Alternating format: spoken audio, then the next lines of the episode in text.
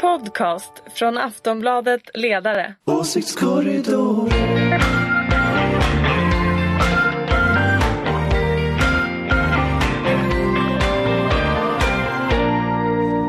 Hej och välkomna till Åsiktskorridoren. Vi är inne i advent, året går mot sitt slut. Men inrikespolitiken ångar på ett tag till. Eh, Efter förra veckans utflykt till Rinkeby så är vi nu tillbaka på redaktionen i den lilla, lilla studion i Schibstedhuset för ett helt vanligt poddsamtal. Idag har vi med oss Ulrika Schenström som är moderat. Ja, hej. Och vi har från Aftonbladets oberoende socialdemokratiska ledarredaktion Jenny Wennberg Ja. och Anders Lindberg. Ja, Och vi ska också säga att Jenny och Ulrika har flaggat för att de är lite förkylda. Så om de låter lite förkylda så beror det på att de är förkylda. Så är det. Ja.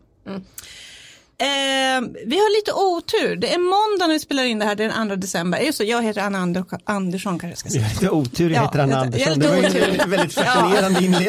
jag. Sån En otur. del har otur, en del, ja, så är det i alla fall. Eh, jo, jag skulle säga att det är måndag när vi spelar in det här, det är den 2 december. Eh, och imorgon kommer två besked som nog kan ge lite avtryck i den politiska debatten. Det är ju så att SCBs stora partisympatiundersökning kommer. Och så kommer den där PISA-rapporten som visar hur det går för den svenska skolan jämfört Den är med... väl onsdag va? Är det onsdag? Jag tror det är onsdag. Okej, hur som helst, de kommer efter att vi har spelat in det här. Jag tänkte bara så här, värma upp lite grann. Vilken ser ni mest fram emot? SCB eller PISA? SCB.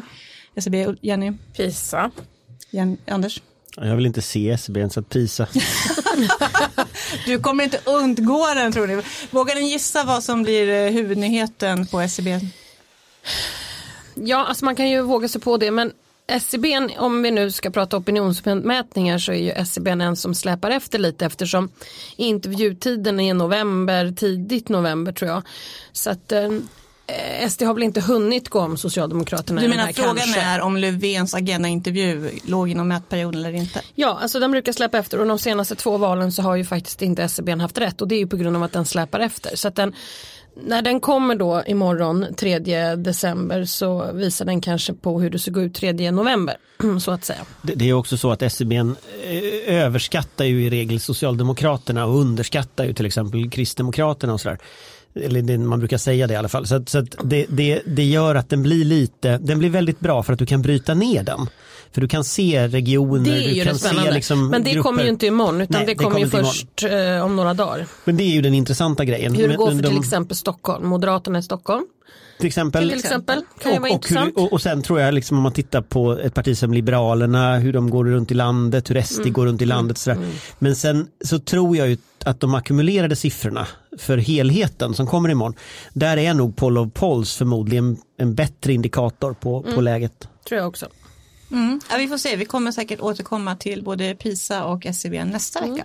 Och PISA däremot kan vi gissa hur det går. Jag tror det kommer gå jättebra i PISA. Svenska elevers kunskapsresultat kommer att fortsätta gå uppåt. Och, och det kommer att bli liksom en, en diskussion som kommer att bli ganska konstig eftersom det är så mycket kris i marginalen. Men jag tror att det går hyfsat bra för skolan som helhet. Däremot så finns ju de här problemen där de finns så att säga.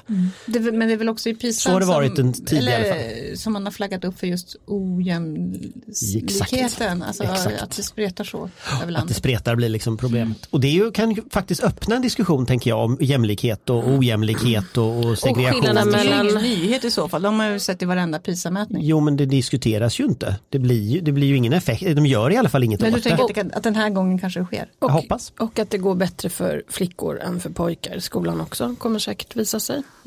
Ja, alltså sagt vi får se. En sak som jag vågar gissa på i alla fall det är att det råder lite spänt läge på Sveavägen 68. Det går inte bra för Socialdemokraterna just nu varken i mätningar eller i debatten får man väl ändå säga. Förra veckan hade till exempel den här eh, händelsen med Damberg och jackan. Han först fick skit från vänster för det såg ut när han la ut en bild på Instagram som att han hade ryckt jackan av någon stackars knarkare på stan och sen så fick han skit från höger han tog bort inlägget och då verkade det som att han var mjuk mot kriminella. Är inte det liksom ett- en tydlig bild av eh, sossarnas predikament just Att nu? vad de än gör så går det åt helvete.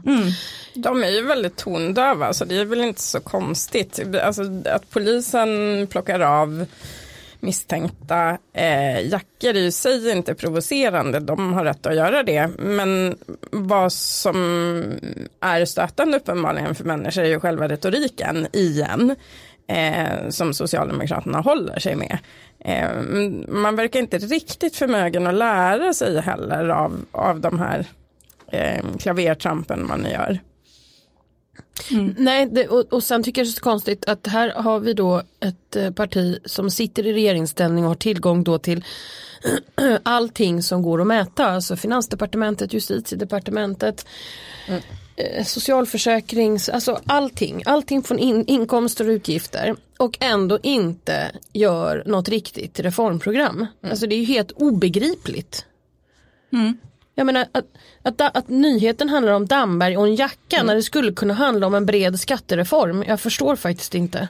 Nej, någon sån har vi inte hört talas om. Men är inte det ett av problemen med sociala medier också nu att, att politikerna allt mer kommunicerar på det där sättet? Ja, det kommer mycket närmare och då kanske det är lite mer ogenomtänkt också.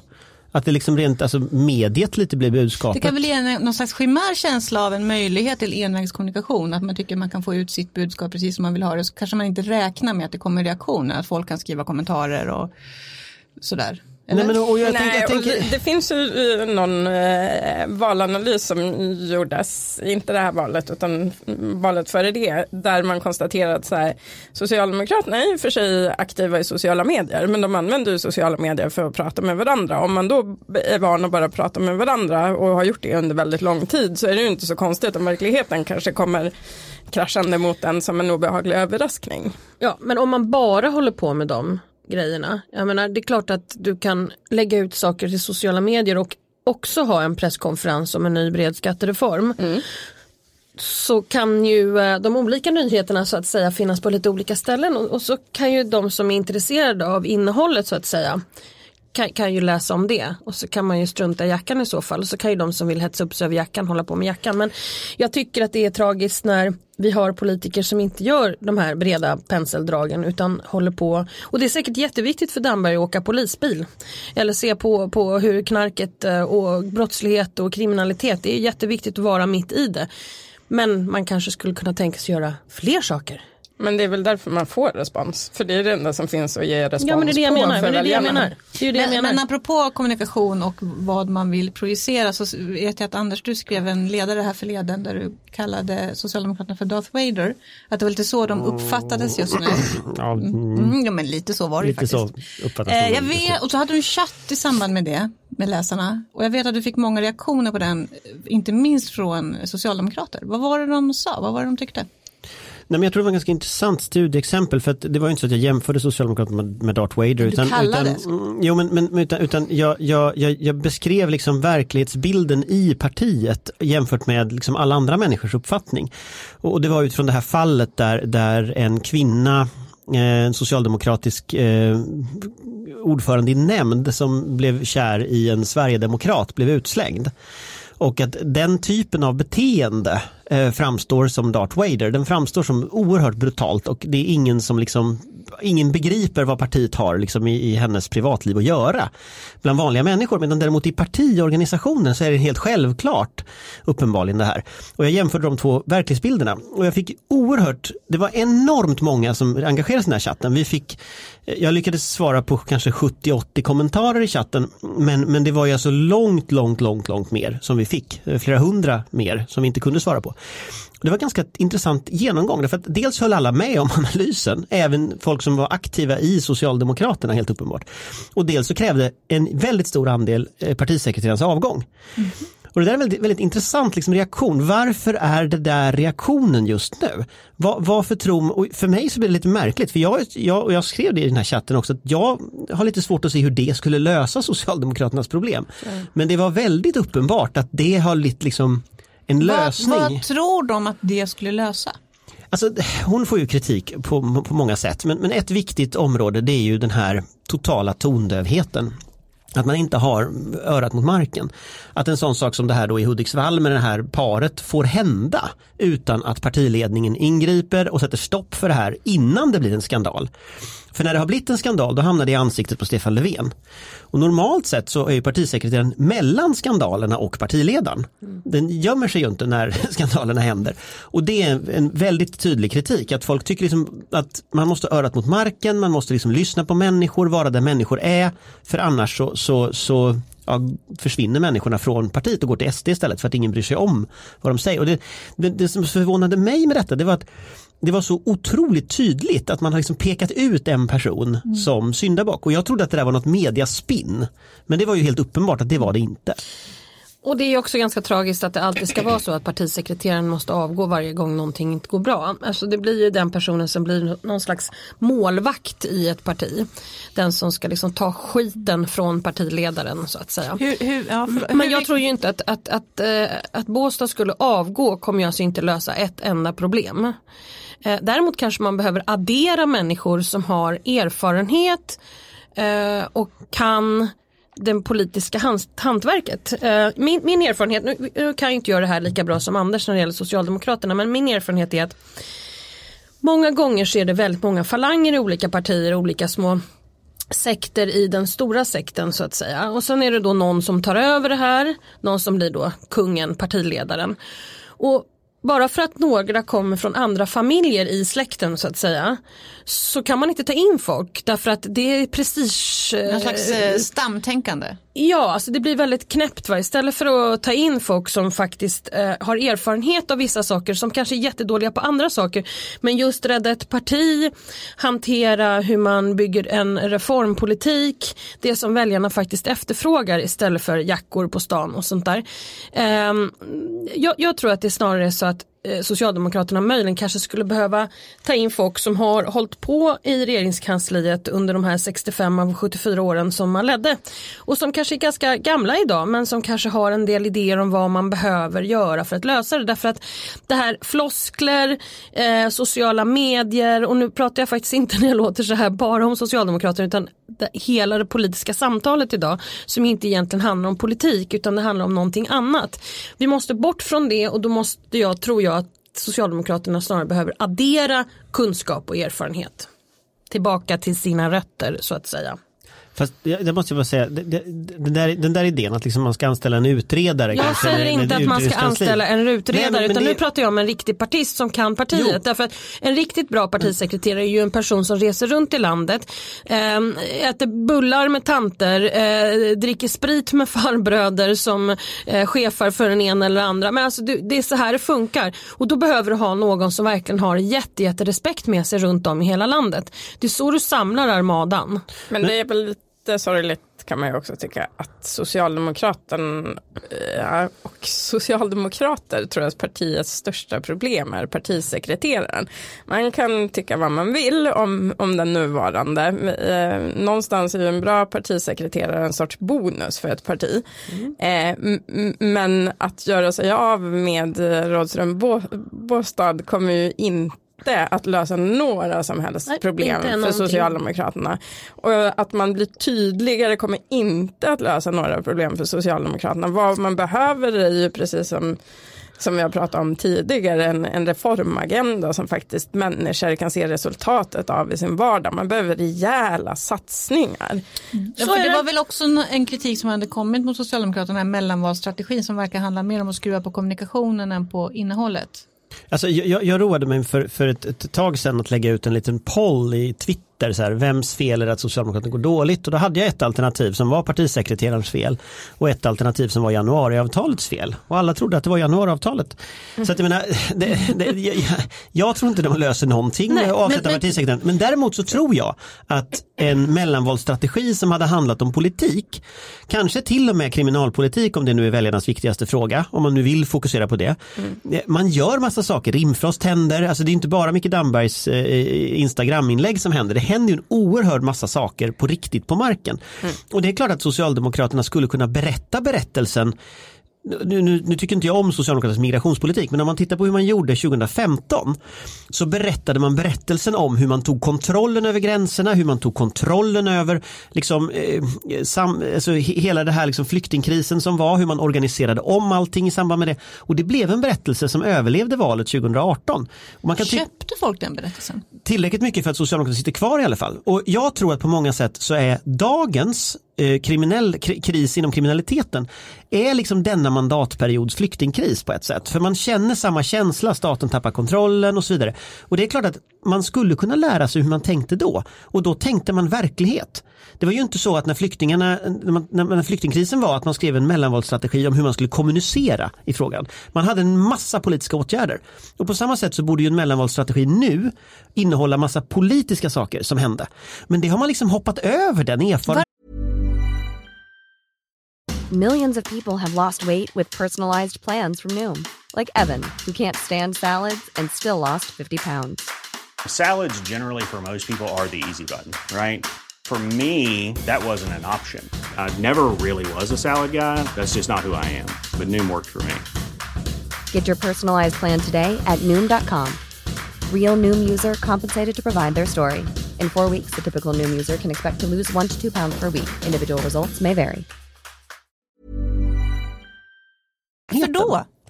Ja, jag tycker det är svårbegripligt. Det är svårbegripligt faktiskt därför att, och jag har sagt det förr, alltså när en partisekreterare går ut och säger att vi har haft fel med vår kommunikation och vi ska bli tydligare, då har man alltså ingen aning alls om vad man ska göra. Och det, det här är ingen partifärgsgrej utan det är aldrig fel på väljarna eller din kommunikation, det är bara fel på dig själv och ditt innehåll. Eller avsaknad av innehåll. Kommer Socialdemokraterna att byta partisekreterare? Om du alla nu verkar tro att Om- det är en easy fix. Liksom. Om, om, jag, om jag skulle få gissa så det kommer lite att hänga på SCBn. Eh, det kommer också att vara så att det beror lite på hur mycket krisinsikt man faktiskt har. För det är ju en enkel lösning på ett svårt problem som inte kommer att lösa något. Men det ger ju en liten respit. För falangerna får hålla på och bråka en stund om vem som det ska vara och så. Eh, men, men jag tror att man, jag tror man gör sig själv en otjänst om man tror att det handlar om personfrågor. Så jag skulle ju hellre se att man bara släpper den diskussionen och sen går in i liksom politiska sakfrågor och, och på riktigt liksom kommer med politiska förslag. Men det måste ju, precis som Ulrika har sagt 71 000 gånger, här, de måste ju finnas först. Och, och där känner väl jag lite att man kanske skulle anställa en utredningsavdelning ändå som tar fram det. Man kanske skulle samla folk som kan det här. Man kanske skulle liksom tänka bredare. Och, och, och där, där, där tror inte jag att det finns en krisinsikt idag. Alltså är det, är, det, är det en bunkermentalitet? Är det det det handlar om? Sitter sosseledningen i en bunker? Ja, det är väl ganska uppenbart eftersom man lirar så dåligt med verkligheten och inte klarar av att eh, riktigt kommunicera med svenskarna. Eh, vilket ju, ju har blivit ganska uppenbart un, under den här hösten. Eh, så, så det skulle jag nog, det, det är nog en rimlig analys i alla fall. Om vi går tillbaka då till det- folk gissade i din poll med januariavtalet. Är det, är det inte det det här lite handlar om då? Är det inte därför de kanske sitter i sin bunker? Därför att de har lite svårt att stå upp för det? För det är ju inte sossepolitik. Nej det är det ju inte och, och jag tror ju att jag tror ju att antingen så sätter man ett ultimatum nu på samarbetspartierna eh, Centern och Liberalerna om att nästa budget måste faktiskt vara, måste utjämna klyftor, måste ge pengar till välfärden. Eh, eller så tror inte jag man kan sitta kvar den här regeringen. Eh, det, det går liksom inte Du att... tänker redan vår eh, tilläggsbudgeten i vår eller? Jag tänker framförallt höstbudgeten men jag tänker också tilläggsbudgeten i vår. Eh, och jag, jag tänker lite hur man gjorde i försvarspolitiken för där var det ju så, där var det en väldigt tydlig kris som var. Men där gjorde man ju så att man la pengar redan i, alltså man, man, man la liksom pengar pö om pö i varje budget och tydligt visar att man förstod att det var ett problem. Så jag tror vårändringsbudgeten så tror jag absolut att man måste lägga pengar till välfärden. Eh, jag, jag, när jag lyssnar på Löfven då hör jag att ah, men han är på väg i den riktningen också. Men sen handlar det ju om att ändra budgetregler och sånt så att man kan liksom använda mer pengar av de pengarna Finns man det redan har. som tyder på att det håller på att hända då? Ja, Magdalena Andersson har ju sagt att man ska gå mot en form av balanskrav snarare. Där man då kommer att kunna använda mer av statens pengar och inte betala av på statsskulden och så. Så det är klart att det finns en sån diskussion. Men, men jag tror att det är ganska bråttom. Eh, och jag tror att det här kan sluta väldigt illa om man inte ganska snabbt lägger om politiken. Och också visar att man har förstått att man gjorde fel. Alltså visa att liksom, den krisen kommunerna har, den, den är oacceptabel. Det går inte. Men de liksom. har ju inte, det finns ju inte majoritet för en socialdemokratisk politik i, i, Sverige. Nej, idag. men det finns ju läge att verkligen pressa Liberalerna och Centern i alla fall just nu. Tror du det? Ja, det tror jag absolut. Om man tittar på Liberalernas eh, opinionsläge, om man tittar på hur illa deras politik matchar verkligheten när vi har liksom de enorma problemen i välfärden som man kan se nu. Ehm, så det, det, är väl en, en, politisk möjlighet att faktiskt ställa krav. Det... Men finns det inte en ganska stark falang inom just Liberalerna som tror att deras, lösningen på deras problem, alltså de har ju mätning efter mätning nu under spärren, är, att lämna januari, alltså att inte backa upp den här regeringen helt enkelt. Finns inte en risk att det händer då? Då har man inte majoritet längre. Men det, då, kanske det, då kanske man får konstatera att man får välja här liksom eh, och att det får väl vara som det är med den saken. Eh, det är ju också så, man ska inte glömma det att, att eh, SD, KD och M blir ju också allt mer radikala. Mm. Och, och, och, de försvinner från mitten i allt snabbare takt. Och det innebär ju någonstans att jag är inte så säker på att C och L kan vända sig dit heller.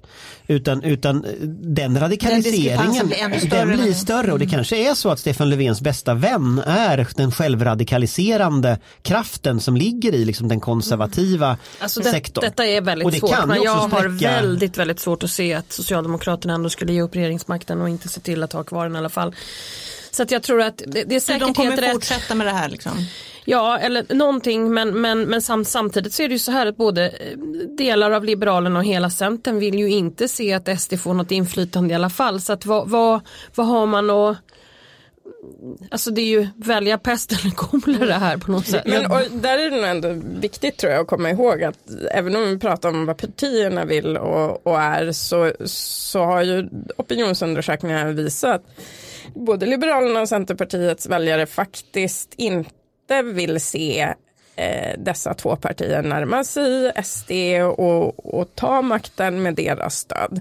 Eh, det, det, är väl också en faktor som man bör väga in när man analyserar hur, huruvida Socialdemokraterna och verkligheten kan pressa Centern och Liberalerna i en annan riktning än dagens politiska riktning. Och, och sen får man inte glömma, det är faktiskt tre år kvar till nästa ordinarie val.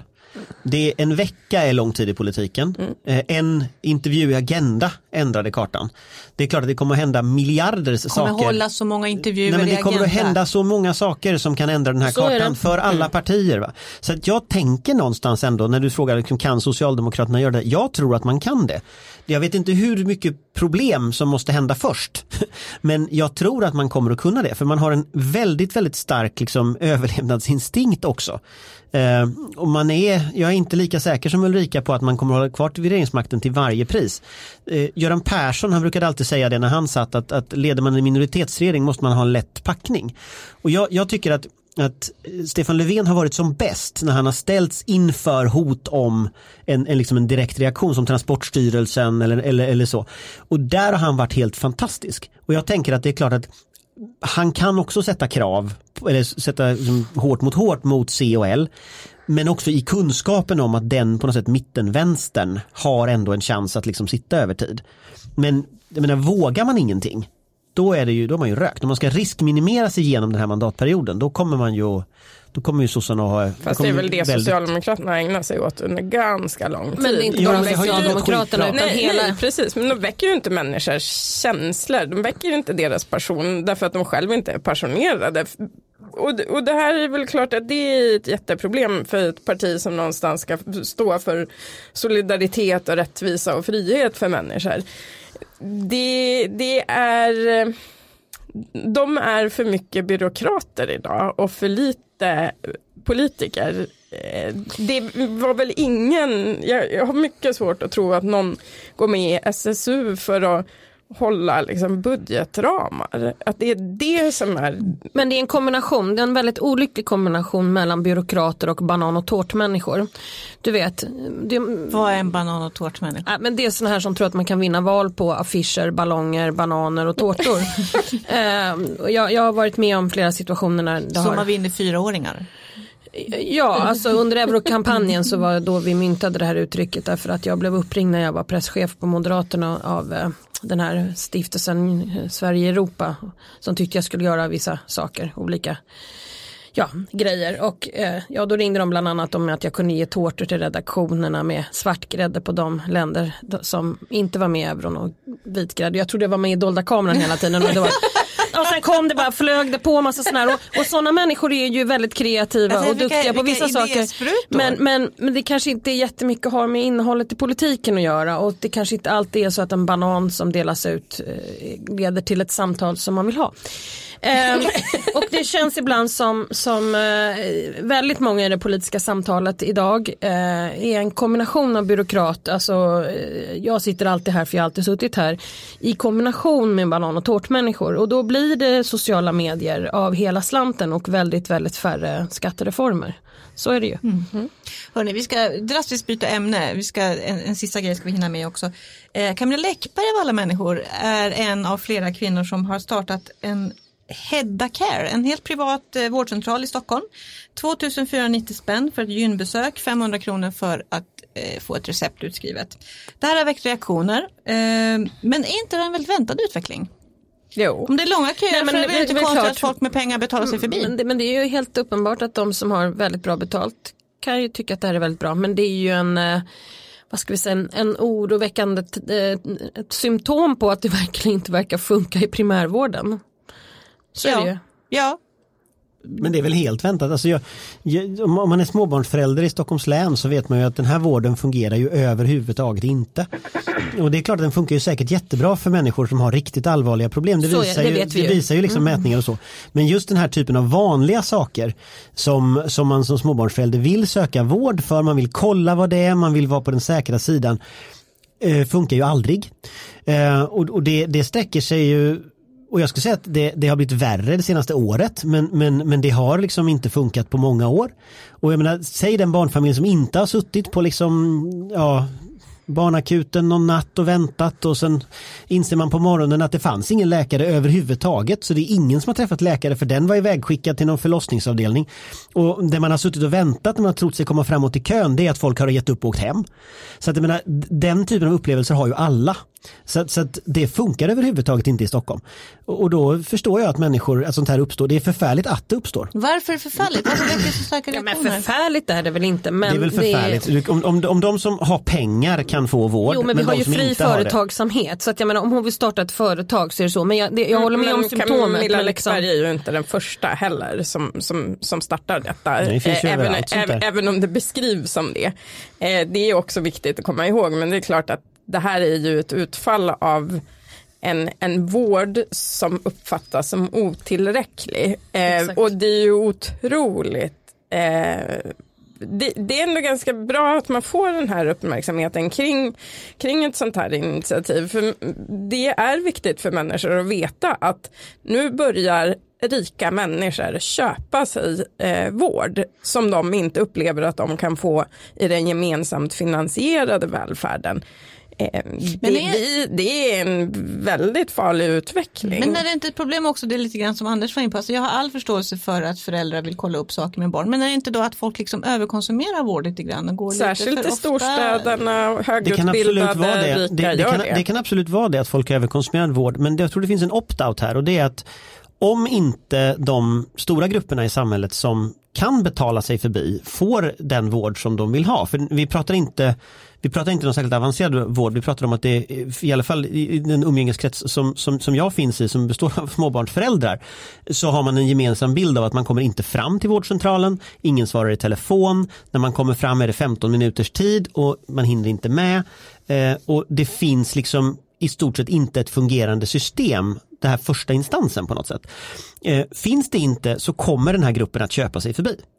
Och det, det är inte så att den gruppen kommer att köpa sig förbi om tio år. Den gruppen kommer att köpa avtalsförsäkringar eller det kommer att bli fackförbunden kommer att börja teckna försäkringar för sina medlemmar så att de ska komma dit. Alltså det, vi pratar om en, en, en massiv opt-out där folk lämnar det offentligt finansierade systemet. Och det här är bara ett exempel på det men, men jag tror att det tydligaste exemplet är appläkarna.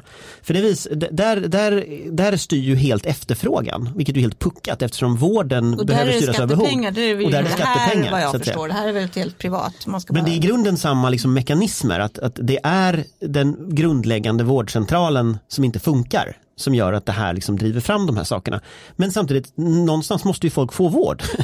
Så vi kommer se mer av det här. Jo, det tror jag man kan utgå ifrån. Eh, sen är det ju, vi ser ju tydliga mönster mm, eh, där appläkare också är ju någonting som högutbildade i stor, storstäderna konsumerar mest. Eh, och, och, det är väl klart att det är problem när, när vård ges inte efter behov utan eh, på grund av efterfrågan. Eh, där finns väl skäl att fundera också som medborgare hur man själv konsumerar eh, vård. Eh, Jenny gjorde citattecken här runt ordet konsumera. Yeah. Ja.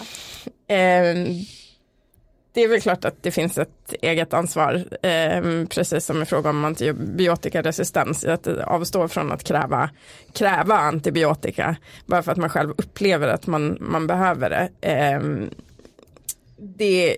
Jag tror ändå att det är, sen ska vi inte ha ett system som liksom eh, stimulerar människors neuroser eh, så, och hypokondri. Men, men grejen är väl den att vi ska ha system som funkar utifrån vårdcentralen så att den där sållningsmekanismen mm. sker på en vårdcentral mm. och inte på en akutmottagning tre på natten. Mm. Det är riktigt. Och, och, det är det som, och det är det som håller på att hända nu i Stockholm att, att när man pratar med 1177 så hamnar man till slut på en närakut. Mm. Och när den blir uppkläggad, vilket jag tror också är en tidsfråga innan alla de där blir helt uh, förstörda, då kommer folk att hamna på akuten istället med skitsaker som borde ha sorterats bort på vårdcentralen. Så vad vi kan egentligen bara så grundläggande säga, det verkar inte som primärvården i Stockholm fungerar. För det är de som ska sålla, du ska inte åka till akuten för saker och ting som inte är akut. Jag har också suttit på akuten med människor runt omkring mig som jag undrar varför de inte går till primärvården. Eh, så jag förstår precis, det är där problemet är och varför gör de ingenting åt det? Jag vet inte. Det är en gåta som vi får återkomma till en annan gång. Det beror, det beror på att alla pengarna går till Nya Karolinska. Som sagt, vi som återkomma till ett väldigt bra sjukhus. ja, för de som väl kommer Där dit. har jag legat. för, för de som kommer dit. Vi, Men det är bara för dem. Nu drar vi streck i debatten. Vi säger tack så mycket till Ulrika Schenström, Jenny Wennberg och Anders Lindberg. Vi hörs nästa vecka. Hej då! hej! hej. hej.